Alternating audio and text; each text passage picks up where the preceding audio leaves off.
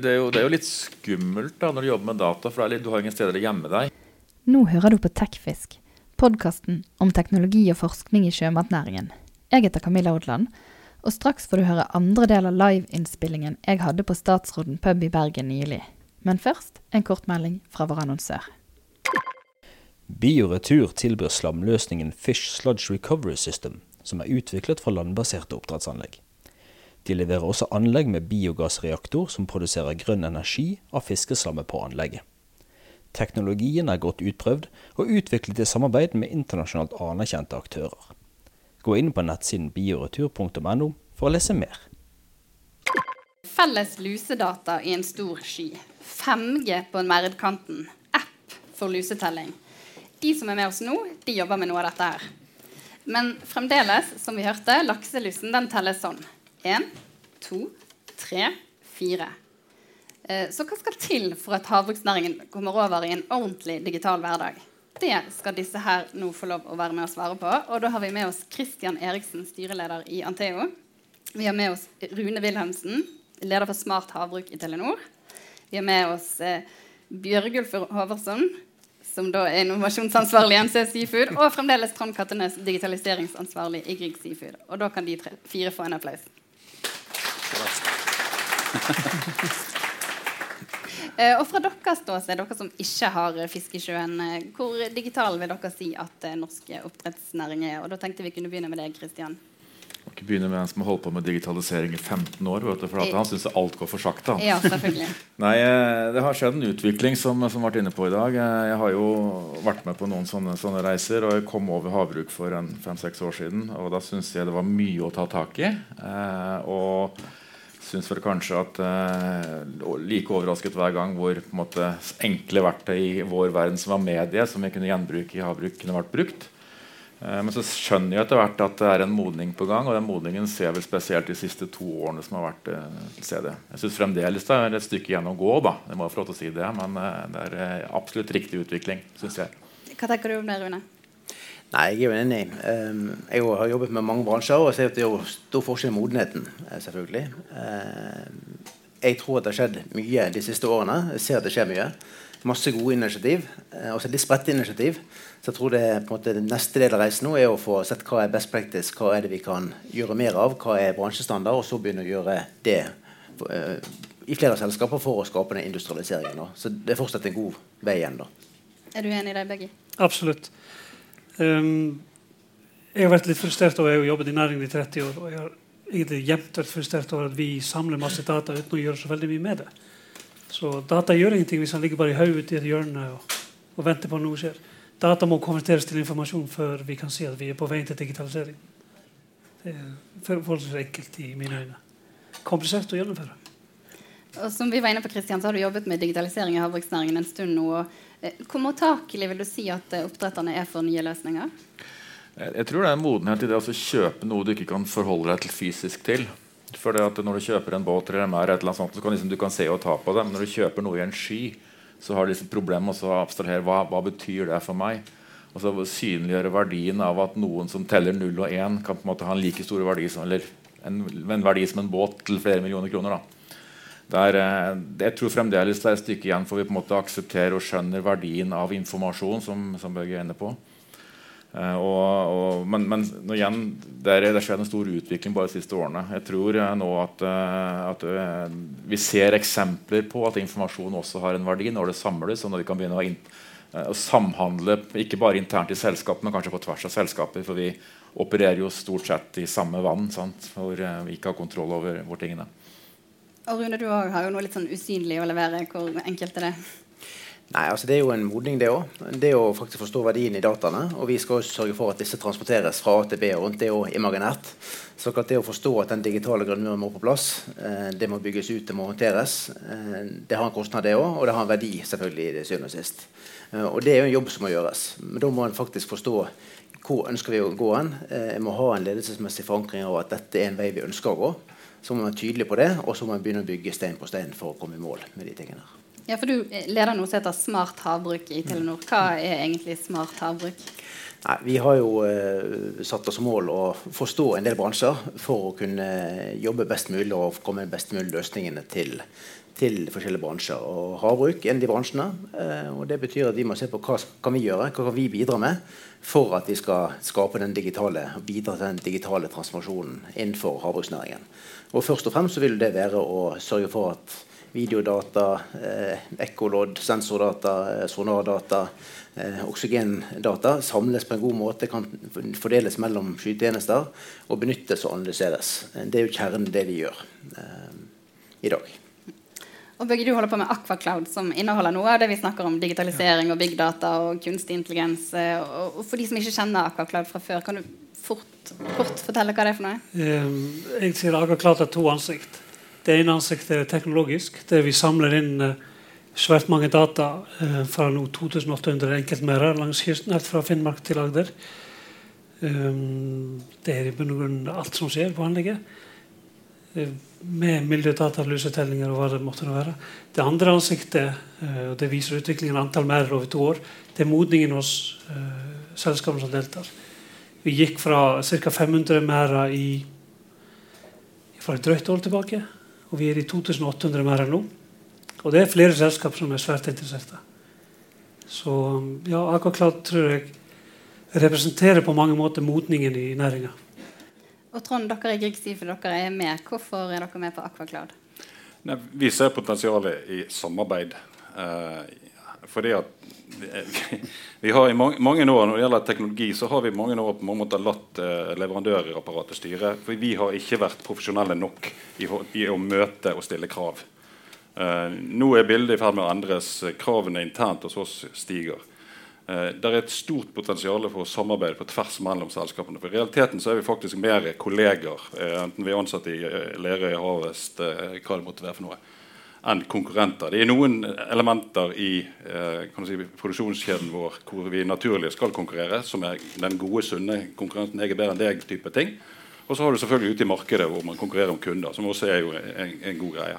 Men for oss som er opptatt av den biologiske produksjonen, så har vi mer å hente på samarbeidet enn noe som helst annet. Og, og da er Aqua, eh, altså NC Seafood og Aqua Cloud var på mange måter for oss en sånn aldri så liten eh, Colombi egg. Endelig er det, her er noe håndfast som vi kan begynne å samarbeide om. Og det videre løpet rundt her nå handler jo egentlig om som du var inne på, bransjestandarder.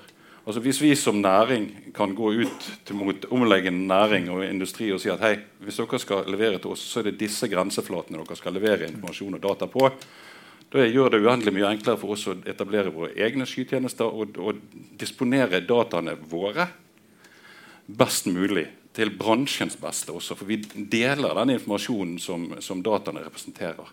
Og så har vi store, tunge analyseverktøy til å kna disse dataene og presentere høyverdig informasjon tilbake til selskapene. Og Da er det en, en høyere verdi for alle i dette. Og det er en, en superspennende det vi har sett. Superspennende. Vi har eh, ikke hatt så mye dialog på tvers av på IT-segmentet i hvert fall mellom selskapene noensinne enn, enn det vi har i dag. Så eh, og For å bruke litt som forsker, så sky is the limit. altså Skyen er på mange måter eh, heller ingen grense her. fordi at det er vi er på en god reise. Og, og eh, det som NC Seafood og Bjørgefjord her har fått til rundt den muskelen som den representerer, har vært fabelaktig bra for oss. Men Hvor lett Begge, har det vært å få folk til å samarbeide om dette her og dele data inn i et litt sånn ukjent sted for de? Um, det har vært krevende til tider, fordi selskap beveger seg i forskjellige hastigheter. Det, det er ikke vært motvilje. Det er rett og slett at Når du har fire-fem sterke hester fra vogna, og så springer en kjempefort, og en springer litt saktere, så må du prøve å få hele som det heter, hele kobbelet koblet til å løpe i takt. Og det har gått ok, og det går bedre og bedre. Så det er Vi har jevn, god fart nå over hele, hele spekteret. Men uh, ja, jeg, jeg, hadde noen diplomatiske evner som jeg måtte hente. Uh, enkelte ganger. Kristian? Nei, jeg tenker også det er, det, er jo, det er, jo, litt skummelt da, når du jobber med data. for litt, Du har ingen steder å gjemme deg. Jeg tror nok Det har vært den største modningen. Altså det at du, det, når du først har et, en null eller enhetssvar, så er det iallfall det som var, det var, det var, det var den tilstanden akkurat der og da. Og Du kan liksom ikke se bort ifra den. Jeg tror nok var det en, en, en modning å komme over at du faktisk du, ikke bare motta data, men du faktisk gir fra deg data for at vi kan samhandle. Det har også vært vår, vår kjeppe. Så hvordan kan vi på en måte skape samhandlingsverktøy Eh, den første som på en måte lærte meg det, hvert fall, det var det, han Arne Krokan, professor på universitetet i NTNU. Han snakka om bilbransjen på 90-tallet som begynte å samhandle på produksjon, men konkurrerte på bilmerket. Og Det er egentlig akkurat det samme vi snakker om her. Du kan samhandle på infrastrukturen i bransjen, men du kan konkurrere på flinkest til å fòre, størst fisk, smartest logistikk, den type ting. Men bruk en felles infrastruktur, ellers blir det fryktelig dyrt hvis hver en skal lage sitt eget IT-system. Og all denne her dataen som vi snakker om, den skal jo da samles på verdene og opp i skyen. Og, og, da må man ha en viss eh, infrastruktur. Og her representerer du infrastrukturen, Rune. Er den på plass? Nei. Takk skal du ha. tør ikke si noe Nei, det tør ikke akkurat å si det. Nei, det er fortsatt en god vei å gå. Eh, det har skjedd mye. Og det har vært bygget mye fra selskapene, enkeltvis. Eh, vi har bygget mye, andre har bygget mye. Eh, fortsatt er det en godt stykke til vi kan si vi har en ordentlig digital grunnmur og en motorvei langs kysten. Men vi er på vei. Vi ser at mobilnett begynner å få en fleksibilitet og en kapasitet som kan gi oss mye verdi. Eh, et godt mobilt nettverk sammen med det vi alltid har jobbet med, med fastnett, eh, radiolinjer, eh, fiber, og god software som utnytter den kapasiteten på en riktig måte, da begynner vi å nærme oss en mulighet til å digitalisere og få til den transformasjonen. Så det er jo summen av disse to tingene som er viktig å få til. Og så vil det komme nye teknologier framover. Eh, både på sensorsiden og på nettverkssiden med, med 5G, for eksempel, som er den neste versjonen i mobilnettet. Ja, for jeg sliter jo med nettet på Bergensbanen, og disse merdene de ligger jo langt ute i havgapet. Hvordan skal de kunne sende sine data i samtid og behandle? Det er jo store mm. mengder det er snakk om. Ja, det er store men, veldig store mengder data. Og spesielt når vi flytter video, som er en av nøkkelen til å kunne se under vann, er jo nettopp å ha videokamera som, som ser for oss. Eh, og når vi flytter store videomengder, så er det enormt mye data. Eh, og det må sannsynligvis flyttes på litt annen måte i framtiden. Mye må analyseres og bearbeides ute. Og så må vi klare å få beslutningsstøtte og få de gode svarene helt inn til de forhåndssentralene. Og det er jo den jobben vi i fellesskap må klare å få til. Mm. Og Trond, tenk, hva tenker du, Har dere det som skal til for å gjøre hele denne datajobben når det gjelder infrastruktur? Vi bygger jo nett, De fleste selskapene størrelse bygger sine egne eh, lukkede trådløse nett i fjordbassengene som vi opererer i. Og Så lenge du er på lukket nett, så kan du egentlig bare skru opp så mye datakapasitet. Men du kommer ikke deg ut på internett. Sant? så du lager et lukket nett sånn som er, du kan snakke med de som er på samme frekvensen som i samme selskapet. Men, eh, men eh, nå etter hvert så er jo infrastrukturen langs norskekysten blitt såpass bra at du får tak i en fiber selv i de mest eh, fjerne fjordbunner. Så vi hekter oss jo, vi har våre lukkede nett, vi hekter oss på fiber. Og da kan vi levere 300-400 megabit per flåte der ute. Og da, da, kan vi flytte mye videodata. Eh, det har vi kapasitet til. Men, men, eh, det er klart at det er enda litt til før eh, Telenor, Telia og andre kan levere den type kapasiteter der ute eh, over tid. Um, sånn at det som gjøres nå fra, fra Telenor spesielt, uh, mest aggressivt på dette, superbra. Uh, ønsker hjertelig velkommen. Vi jobber jo tett sammen med Rune og hans folk. Um, så vil det være på mange måter å øke stabiliteten i nettet gjennom at du faktisk har redundans, altså to forskjellige føringsveier. Gitt at ting skal gå uh, trått i ett, et, så kan du bytte over på en annen frekvens og likevel være der. Fordi at Denne dataflyttingen den kommer til å bli mer og mer kritisk. Sånn at, sånn at uh, det kravet til redundans, altså det at du har to forskjellige føringslinjer, det kommer automatisk rett borti gaten. Så, så, det arbeidet som gjøres for at det er noen som sier det her nå, er superbra. men nå har vi snakket mye om data. Og, ja, vær så god, du først. Ja, og så klart at uh, Når nå 5G kommer, så det vi nå tester Nå åpner vi jo pilotnett for 5G på Kongsberg forrige uke. Så den reisen er i gang. Og, og hva da, er 5G? Og 5G er neste generasjons mobilnett. Eh, da ser vi for oss enda større hastigheter, eh, forutsigbare kapasiteter, forutsigbare tider for forsinkelse i nettet, som gjør at Trond kan få den garantien for at dataene kommer fram når de skal komme fram. Og ikke litt forsinket eller litt for seint. Så det er tanken å løse i et 5G-nettverk. Så det håper vi at vi kan eh, teste ut for næringen framover. Mm. Du nikker, Trond. Ja, ja, jeg er bare jublende begeistret. Så det er så, det er så greit. Det gjør min hverdag veldig mye enklere at man har nok bærekraft. For det er det som er akilleshælen i dette. Det vet alle som har vært ute på et anlegg bare med å slå på mobilen og se hva, hva, hvor mye facetiming du kan drive på med. Spesielt hvis du kommer litt langt ut. kan du glemme det. Ja. Og så snakker vi om data, men det er jo ikke bare data. De må jo samles inn riktig og likt og konsistent eh, for at de helt tatt skal være brukernes. Og Kristian, hva er din erfaring der? Klarer eh, oppdretterne å gjøre det? Det var, det var litt inne, inne på det med, med, med, med, grensesnitt. Og jeg tror nok jeg tror var inne på at Oppdretterne har nok en jobb med å stille krav til leverandørene sine på, uh, som, som IT-innkjøper. For Det krever litt kompetanse å sette krav til hvilken grensesnitt uh, hva er det vi faktisk skal ha av data. For vi, vi leverandører vi lager alt mulig rart. Vi. Hvis du ikke er flink til å si hva du vil ha, så, vi, så, så leverer vi alt vi har lyst til å selge. Sant? Så, så, så innkjøpskompetanse er ganske viktig å ha når du skal drive med IT. Og jeg tror det er veldig viktig at også bransjen snakker sammen når du får en infrastruktur. Oljenæringen har vært flinke til det. De har på en måte klart å samsnakke mellom oljeselskapene og få til en infrastruktur. Eh, banknæringen er flink til det. Eh, og med initiativet til Bøgøy så håper jeg også at næringen, eh, havbruksnæringen blir flink til det. For der ligger mye av nøkkelen. Det er liksom å stikke en svensk eller en, en, engelsk kontakt inn i en, en, norsk plugg. Det funker ikke så veldig bra. Sånt, det ja, Begge. Uh, vi er faktisk i gang med det arbeidet. Vi har åpna opp for en arbeidsgruppe sammen med Sintef og Kontali og begynner å krønse på hva trenger vi å gjøre til å til å kunne levere rett og slett et, et omforent grensesnitt. Så man kan eh, være flink å utvikle utstyr, og så vet man hvordan det skal presenteres til oppdretterne sine systemer. Så vi begynner den jobben allerede nå, eh, straks over månedsskiftet.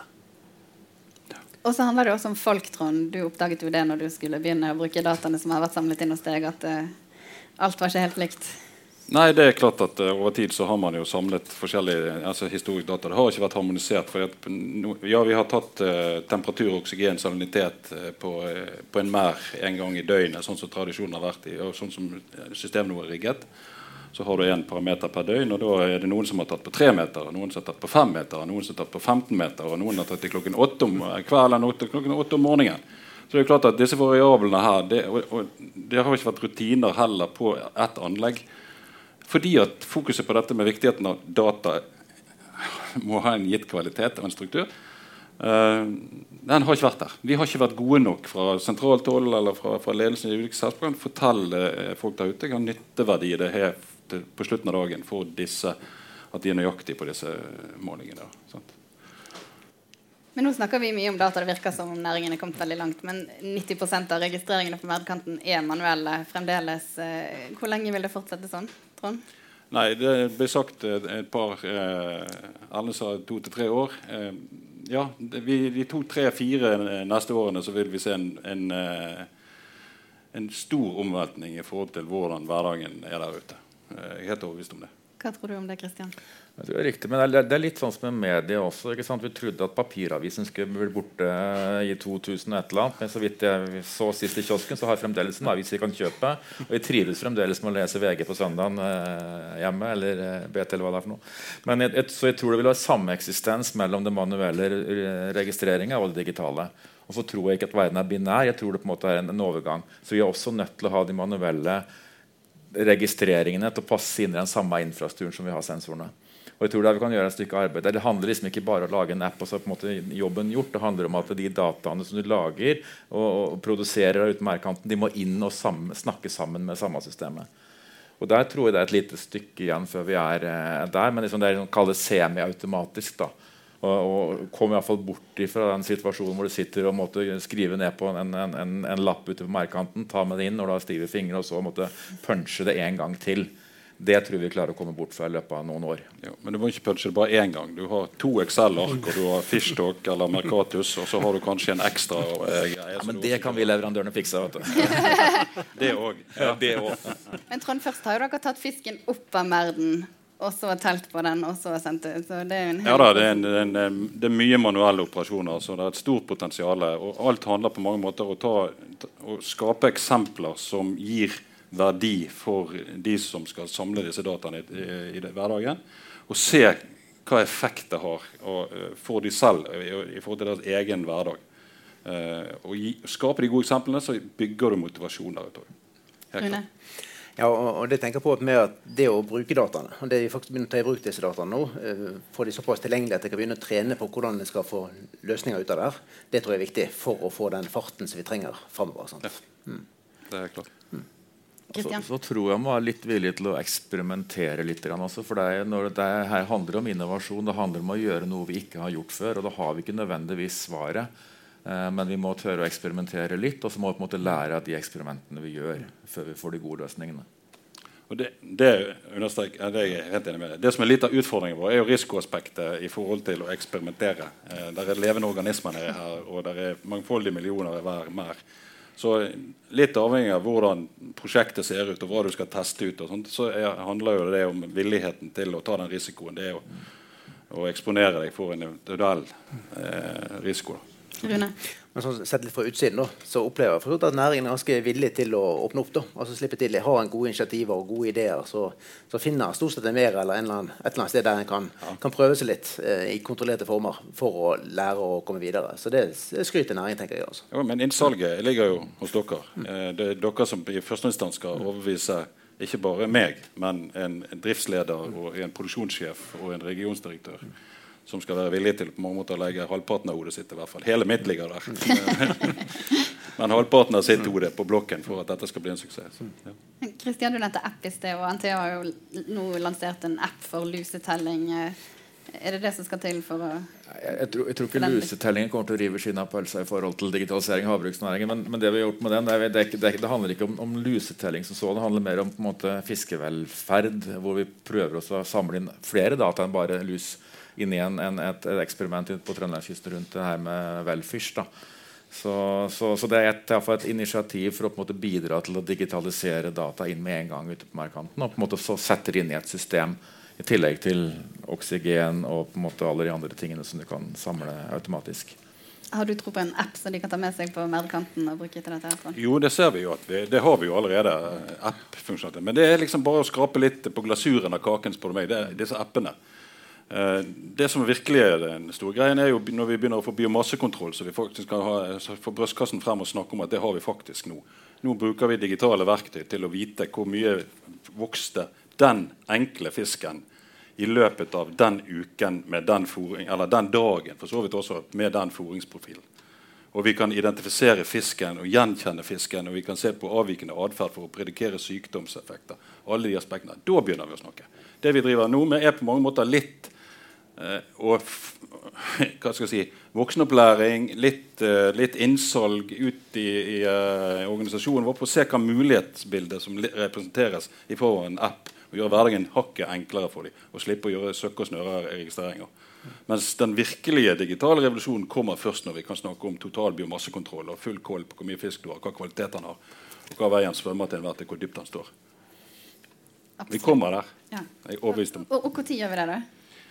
Da tror jeg vi snakker litt mer enn to-tre år. Men, men eh, vi, er, vi, er, på en reise som er, Det er litt vanskelig å forutsi hvor fort dette går. fordi at plutselig er det noen som knekker en kode på algoritmesiden på øh, å få til en uh, matematisk modell som virkelig svinger.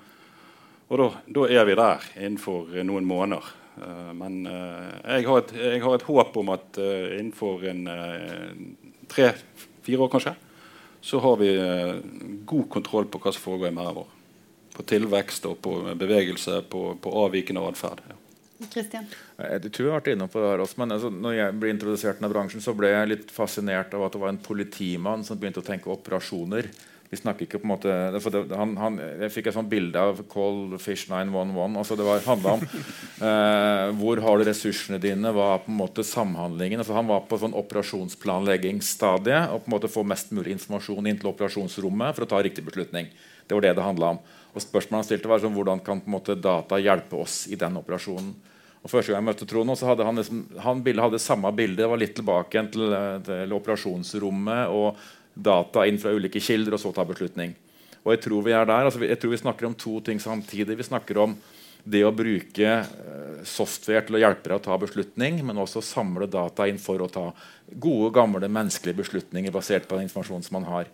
Og Klarer vi å kombinere de to tingene der, så kan vi faktisk begynne å operasjonalisere i dag. Og så kan vi på en måte glede oss til framtiden hvor mye av beslutningen tas mer automatisk med bl.a. AI-modeller som, som, begge de holder på med. Det, det, er jo helt riktig. Altså, vi våkner jo ikke en morgen plutselig og alt er bare fullt på. Dette er en modningsprosess. Det kommer til å bli eh, funksjon for funksjon, app for app, eh, egenskap for egenskap som bygges opp i forhold til å få bedre og bedre innsikt i hva som foregår. Og så en dag så er vi der faktisk at faktisk kan vi sitte i det kontrollrommet og, og ha rimelig kontroll. Både operasjonelt, men også strategisk. For det er også to dimensjoner her i forhold til hva du må ta beslutninger på on the fly, og hva du kan sette deg ned og analysere tallmaterialet ditt, og hvordan du bør agere i forhold til en trend som kan skje på trappene. Begge. Vi snakker om utstyr og, kanskje hvilket teknologisk nivå vi er på, eh, og hvor fremtiden er i forhold til forskjellige ting. Eh, det overrasker meg fortsatt hvor villige næringa var til å ta i bruk kanskje en av de mest avanserte kunstig intelligens-systemene vi har, som er Watson. Det var, når det ble presentert, så var det litt stille. Og så var det, ja, det høres ut som en litt kul idé. Utforsk det. Og vi utforska det, og så begynte folk å komme om bord. Og nå, knappe to år senere, så snakker folk i helt andre bransjer om at det er ubeskrivelig hvor fort næringen har modna seg på to år. Dette prosjektet i andre siden på ti år, kanskje. Og, og det igjen snakker om føler jeg, som jeg, har, jeg lukter jo litt eh, sammen med alle de andre, for jeg har jo vært i næringen så lenge, så vi, vi har samme farge. Men det er den nysgjerrigheten. Det er så ny næring. Vi er nesten sånn Hva skjer om? Og så kjører vi på. Men man hadde kanskje ikke trodd for fem år siden at så mange oppdrettsselskaper skulle samarbeide om å dele data og være inne i samme system? Jeg ville ikke foreslått det engang. Jeg hadde ikke vært så fremoverskuende. Men, men, det er kanskje ikke så overraskende. Altså hvis du nå vi ser denne modningsprosessen som går, at er, den ene etter den andre får en aha-opplevelse hva mulighetspotensialet som ligger i dette med data, datafangst og databehandling og analyse, så husk på denne næringen er ung. Har, der er aktører, gründere langs hele norskekysten som har tatt risiko på risiko på risiko og har drevet denne industrien på godt erfaringsprosent, magefølelsesbeslutninger hele veien ut. Og det er fantastisk altså, med, hvor langt denne næringen har kommet. på seg. Så det er en kultur for å tørre. Vi har, har ikke belte, bukseseler og, og, alt mulig rart på oss for, det, for å unngå at vi plutselig står litt eh, tynt kledde på, på merdkanten. Vi, vi, er faktisk fostret opp på å ta, ta litt tøffe beslutninger og teste og prøve. For det er jo sånn hele næringen blir bygget opp. Så litt av det ligger på mange måter latent i kulturen vår. sånn at du vil se, Som konsekvens av det så vil du se den eh, kan du si, evolusjonen som er på vei. Så jeg håper vi kan dra nytte av alle som sitter her. Og Da tenker jeg at vi lot eh, Trond få siste ord der. Og da sier jeg tusen takk til dere fire, og tusen takk til alle dere som er her. Så tusen takk skal dere ha, alle sammen. Du har nå hørt på andre del av Tekfisk direkte. Første del finner du der du hører på podkast, eller på tekfisk.no. Hvis du hører på Tekfisk på telefonen din, gå gjerne inn og gi oss fem stjerner og en liten kommentar om hva du syns. Det vil gjøre oss mer synlige for andre som kan være interessert. På gjenhør.